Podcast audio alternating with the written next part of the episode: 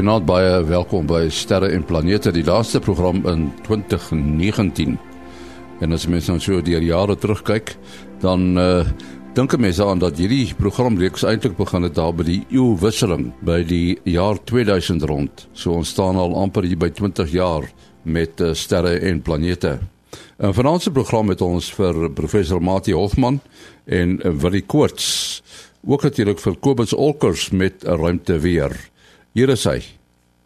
Goeienaand en goeienaand luisteraars. Ja, amper die einde van 'n van 'n nuwe jaar. Nou ja, wat kom ons kyk wat sê die son. Die afgelope week het daar bitter min gebeur. Behalwe vir 'n effense opflikkering uh, in auroras oor Kersfees. Ek hoop die mense daar in die verre noorde het dit geniet. Dan wat die son self aanbetref vir die volgende week is die interessantste ding wat ons sien is 'n nuwe sonvlekkie wat oor die rand van die son geroteer gekom het. En hy het natuurlik nou die die nuwe uh die nuwe polariteit, die dan die polariteit vir die nuwe sonsiklus. In die vorige sonsiklus nommer 24 het as daar 'n sonvlek verbygekom het, het ons eers sy uh positief ge, sy noordgerigte ehm um, pool gesien en dan het die uh, suidgerigte pole agterna gekom. En uh hierdie is nou die eerste van die eerstes van die nuwe sonsiklus nommer 25 wat nou 'n uh, 'n uh, 'n negatiewe pool het wat voorloop en dit sal so wees vir die volgende 11 jaar volgens die heelse wet. Uh so daar het ons die flikkeringe van 'n begin van 'n nuwe sonsiklus. Hooplik gaan die groot stilte nou oor oorgaan, maar ons het nou nog steeds wat geassosieer is met die diep son minimum het ons 'n 'n groot koronagat beide by die noordpool en by die suidpool van die son. Ons noem hulle kroon koronagate.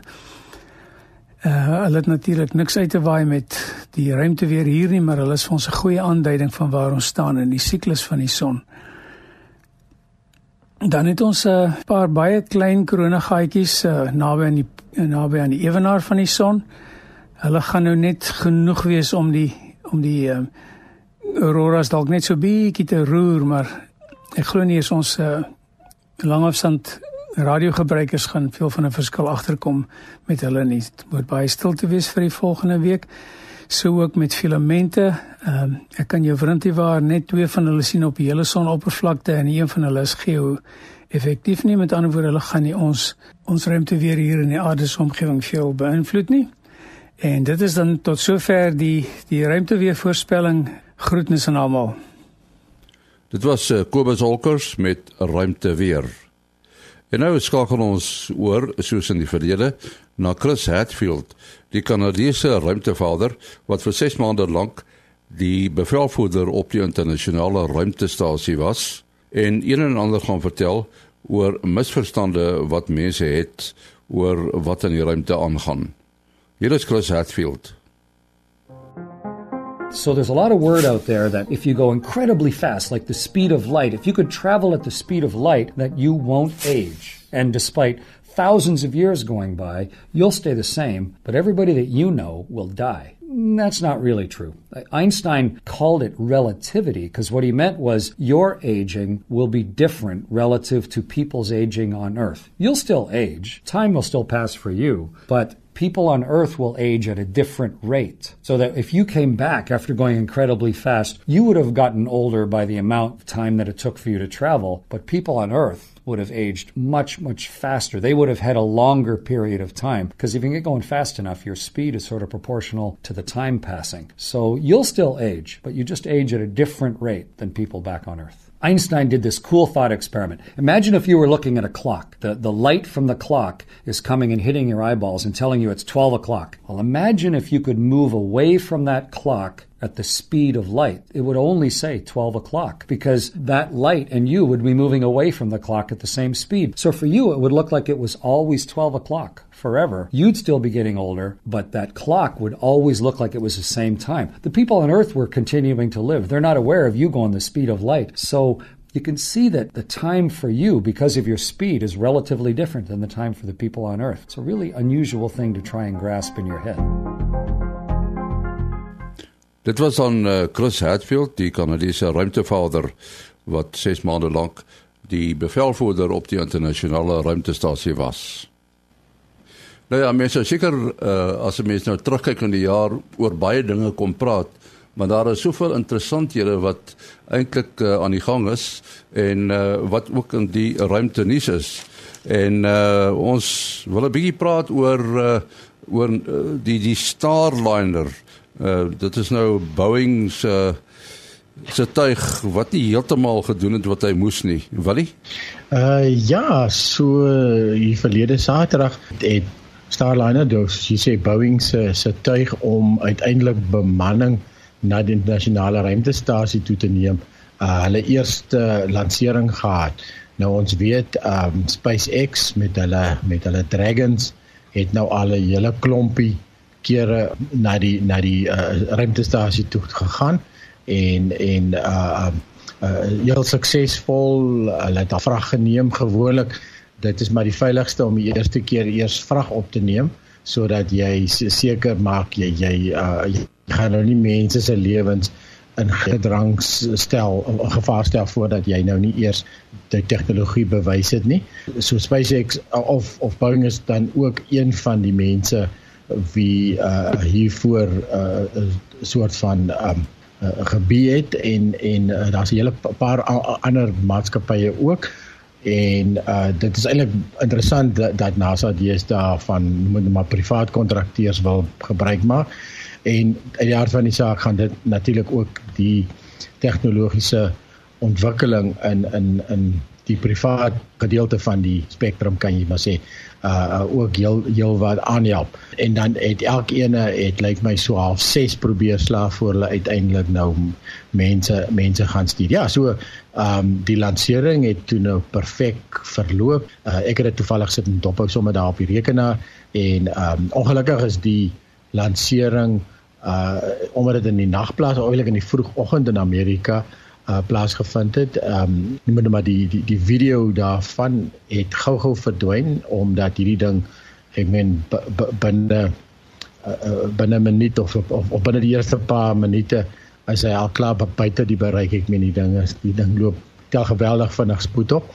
Maar maar dan het hulle nou die animasies en dan nou natuurlik al die inligting wat deurgegee word uh alles mooi op tyd en uh, uh ja, die so die lansering het baie goed plaasgevind. Die eerste stadium het afgekom wanneer hy moes.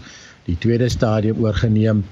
Die het het sy motore gevuur vir, uh, vir die verlangde tyd en uh toe is die kapsule op sy eie en uh toe um sou hy nog 'n sogenaamde burn gedoen het. So wil sê sy motore gevuur het om uiteindelik sy baan uh, sirkelvormig te maak en dan die manier hoe hulle aansluit by die ruimtestasie is om in 'n laer baan te gaan. Nou ons weet in in die planete ook self, die planete soos Mercurius wat maar 88 dae vat om om die son te beweeg. Ons vat 'n jaar om om die son te beweeg. Hoe in hoe laer baan jy is, hoe vinniger moet jy moet jy beweeg of, of beweeg jy moet hom amper outomaties.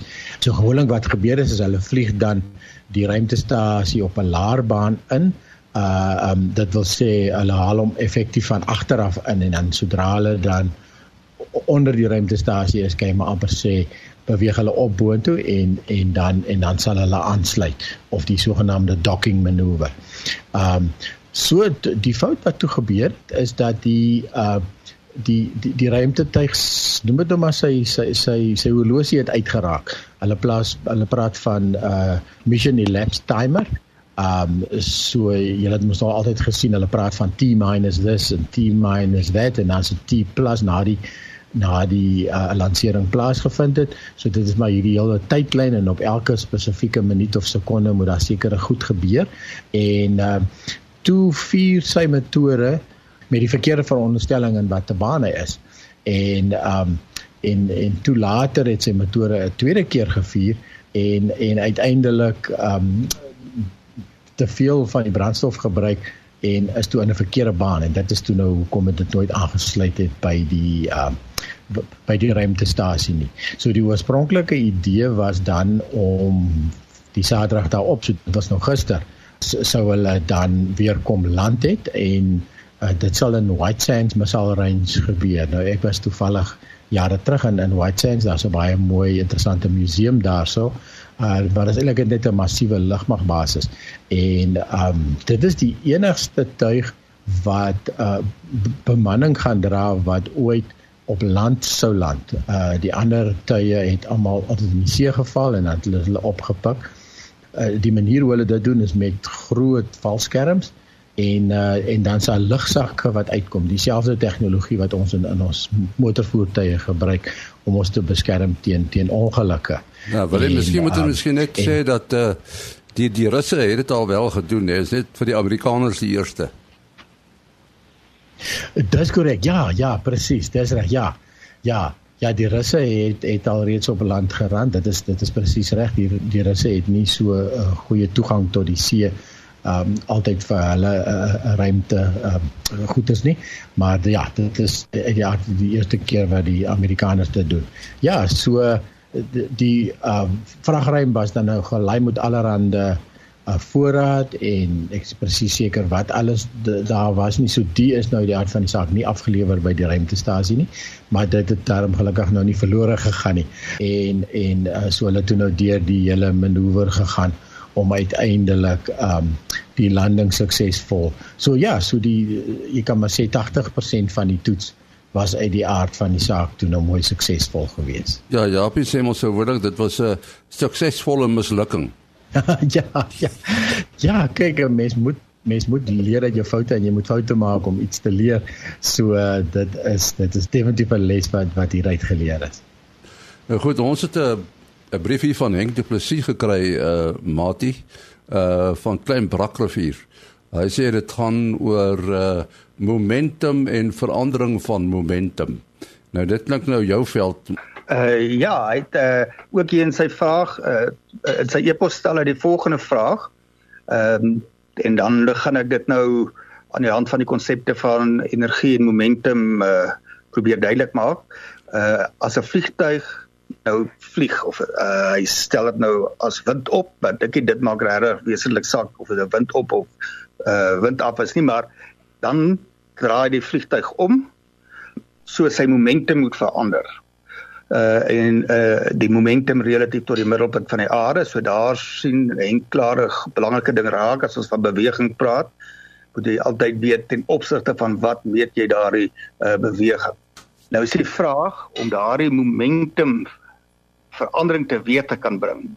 Sê hy moet daai is energie nodig en gaan hy nou daar waar kom daai energie vandaan? Sal kan dit nou wees omdat hy hoogte verloor en dis potensiële energie omskakel na kinetiese energie. Uh so dit is nou net so ter inleiding. Die belangrike konsepte dan is hierso is momentum en energie. Nou kom ons begin net by die konsep van momentum. Uh nou in die fisika definieer ons konsepte.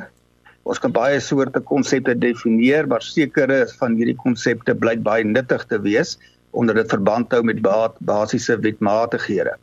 Nou die momentum van 'n voorwerp is 'n aanduiding van hoe moeilik dit is om daardie voorwerp te stop. En die uh wiskundige definisie is gelukkig heel eenvoudig. Dis nou wanneer mens nie teen relativistiese snelhede beweeg nie. Uh as die uh, definisie stel dan dat die momentum is gelyk aan die massa maal die snelheid. En dit maak dan vir ons uh sin. Uh hoe vinniger 'n voorwerp van 'n bepaalde massa beweeg, hoe moeiliker gaan dit wees om te stop. So daar is daai v die snelheid groter word, dan gaan die momentum groter word. Nou kan mens weer verskillende voorwerpe met die snelheid uh beoordeel, dan gaan die een met die grootste momentum die moeilikste wees om te stop. So sê nou maar hier kom 'n klein motortjie en 'n groot motor al twee teen uh 60 km/h aan dan gaan dit baie moeiliker wees om die uh groot massa voorwerp te stop. Nou om die momentum van 'n voorwerp te verander, het jy 'n krag nodig.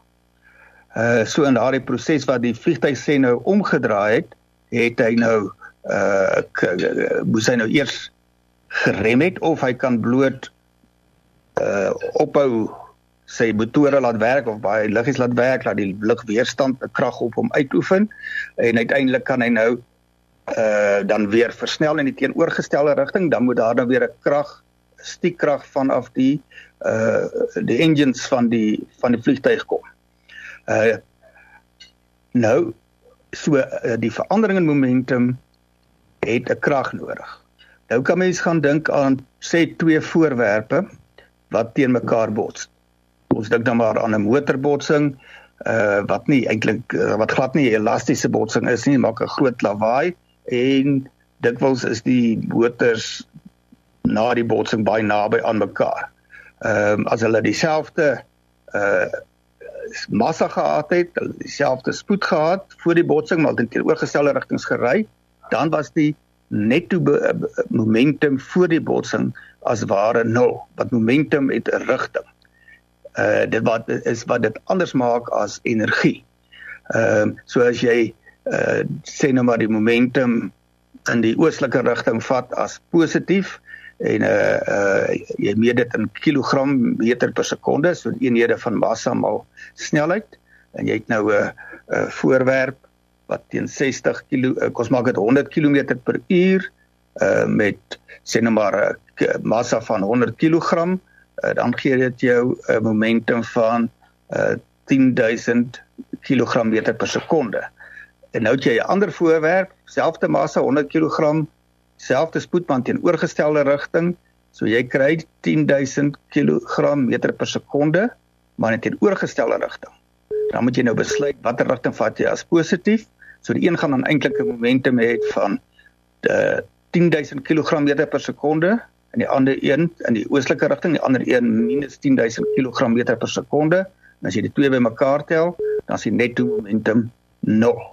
En uh na die botsing maak nie saak of hoe elasties of onelasties die botsing is nie, gaan die totale momentum dieselfde bly as dit die enigste twee voorwerpe is. So dis die groot nut van die konsep van momentum in 'n stelsel van 'n paar liggame sal die totale momentum van daardie liggame uh konstant bly ongeag wat daar binne in hierdie stelsel gebruik uitreiling van uh momentum botsings uh of wat ook al daarteenoor is ehm uh, energie kan jy nie het nie 'n rigting nie. Jy kan kinetiese energie uh, die energie wat nou hierso die nuttigste is om te gebruik is twee tipes, die potensiële energie wat jy het as gevolg van jou posisie. So ons weet as jy nou 'n voorwerp oplig vanaf die aarde en jy laat hom toe uh om terug te val, dan word hy begin sê nou maar uit rus uit. So jy laat net voor jy hom laat val, het hy geen potensie uh, geen kinetiese energie nie. Uh maar dan laat jy hom val en hoe verder hy val, hoe meer spoed tel hy op, hoe meer kinetiese energie kry hy. En jy kan nou mooi die wiskunde daarvoor neerskryf. Die een vorm van energie, potensiële energie, word omgeskakel na uh, ander vorm van energie, kinetiese energie. So as jy nou aan die vliegtuig dink, ehm uh, jy sou kon uh, in die omdraaiproses sou jy indien jy nie jou uh, vier jou engines ten volle wil gebruik nie, kan die vliegtyg vinnig daal, afwaarts duik en op die manier spoed optel sonder dat dit noodwendig deur sy uh, motore is. Die, die energie sal behoue bly van 'n bepaalde voorwerp of stelsel slegs as daar nie uh, geen netto krag op inwerk nie. Ehm um, en jy kan die energie van 'n voorwerp verander deur 'n krag So daai krag sal ook 'n momentumverandering uh, tot gevolg hê. Maar die krag wat toegepas word verrig as ware arbeid. So as jy arbeid op 'n stelsel verrig, dan gaan jy noodwendig sy energie groter maak. Maak nie saak aan watter vorm die energie is nie. As jy nou arbeid op sê nou maar 'n vuurpyl verrig, dan kan jy hom of uh hoër opskiet van die aarde af weg dan verhoog jy sy potensiële energie of as hy nou reeds in 'n baan om die aarde is, dan kan jy sy kinetiese energie uh vers, uh, verhoog. Hy dit gaan noodwendig ook met 'n verandering van hoogte te uh, gepaard, 'n verandering in potensiële energie.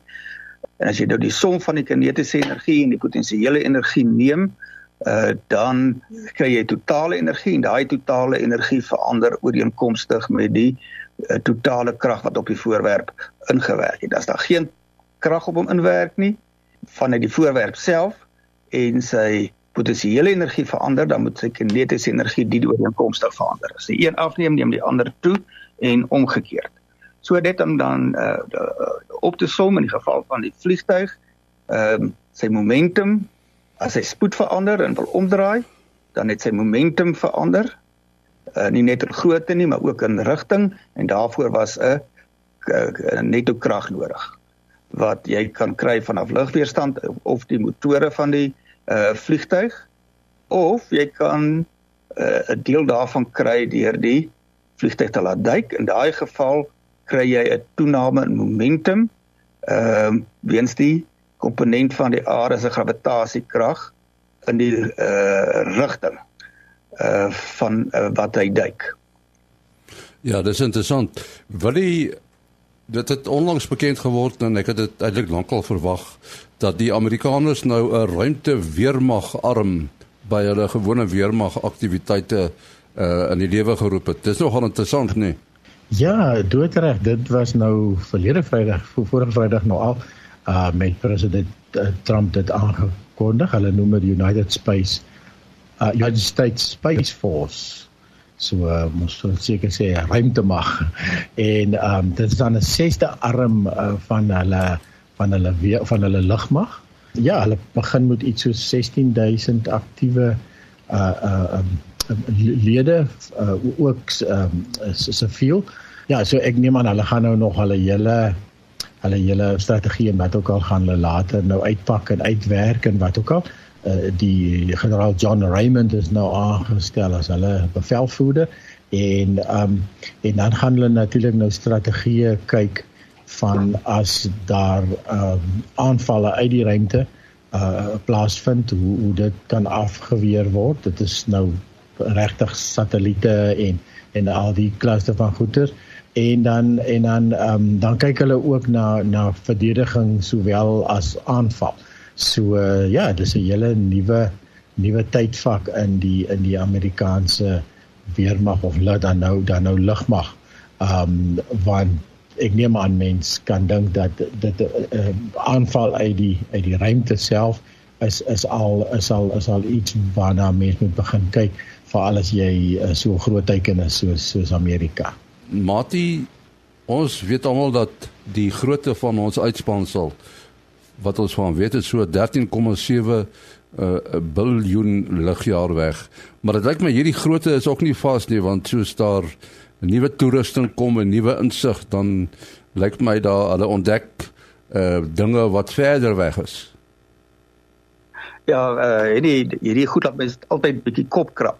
Die ding wat nou gebeur wat uh wat 'n mens kan verwar is dat die ruimte self is besig om uit te sit. So kom ons uh, neem nou as beginpunt die berekeninge en waarnemings wat tans daarop dui dat die heelal uh in terme van fisiese tyd 13,7 biljoen jaar oud is.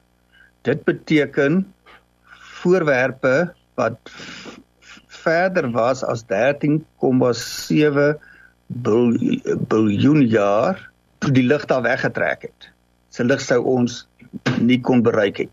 Maar neem nou 'n voorwerp wat sê 13 biljoen ligjare van ons af uh wat wat se lig weggetrek het vandat die lig daar weggetrek het. As hy nou sê 13 biljoen jaar weg was toe die lig weggetrek het. Terwyl daardie lig in ons rigting op pad is, rek die afstand tussen ons en daardie voorwerp. So teen die tyd 13 biljoen jaar later, vandat die lig daar weggetrek het, het die afstand tussen ons en daardie voorwerp gerek. So, uh, daar's 'n verskil tussen die afstand toe die lig daar weggetrek het en die afstand wat dit nou is teen die tyd wat die lig ons bereik. En as mens dit nou in gedagte hou, dan kan mens nou 'n bietjie beter verstaan uh hoe hulle nou hierdie uh, metings kan doen van voorwerpe en hulle hou nou rekord soos wat die mens maar graag doen. Uh, hulle het in die Hubble ultradiepveld. Dis nou mos van die beroemdste fotos in die sterrekunde hierdie wye veld fotos wat met die Hubble teleskoop geneem is. Ehm um, het hulle nou so lysie van omtrent die 10 naaste verste voorwerpe. Ek gaan sommer die rekordgetal noem hierso. 32000 miljoen ligjare af. 32 giga ligjare. Die voorwerp se na naam is sommer kort en kragtig. Dis 'n sterrestelsel GNZ11.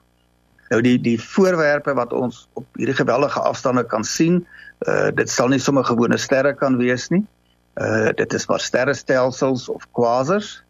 Die een van die redes hoekom jy hulle kan sien is danksy die die lens-effek hulle sou uh, onder normale omstandighede sal hulle lig so dol wees dat ons hulle nie kan sien nie.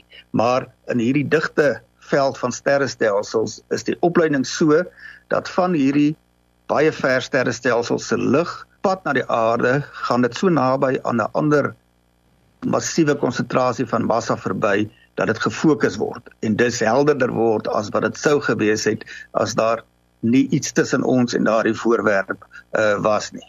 So dis nou hulle hierdie afstande meet van uh wel hier's op hulle lysie uh het hulle begin hierso by so 17 1000 miljoen ligjare of 17 biljoen ligjare tot dan die verste een op 'n afstand van 32 uh biljoen ligjare. Ons moet groet, uh, Willie. Uh, ja, mense kan bel SMS of WhatsApp 072 4579208. 0724579208. Dan my selfoonnommer 0836257154. 0836257154. En my uh, e-pos maas.henny@gmail.com. maas.henny@gmail.com. Dis die adres waarheen u u vrae ook kan stuur. Tot volgende jaar. Alles van die beste.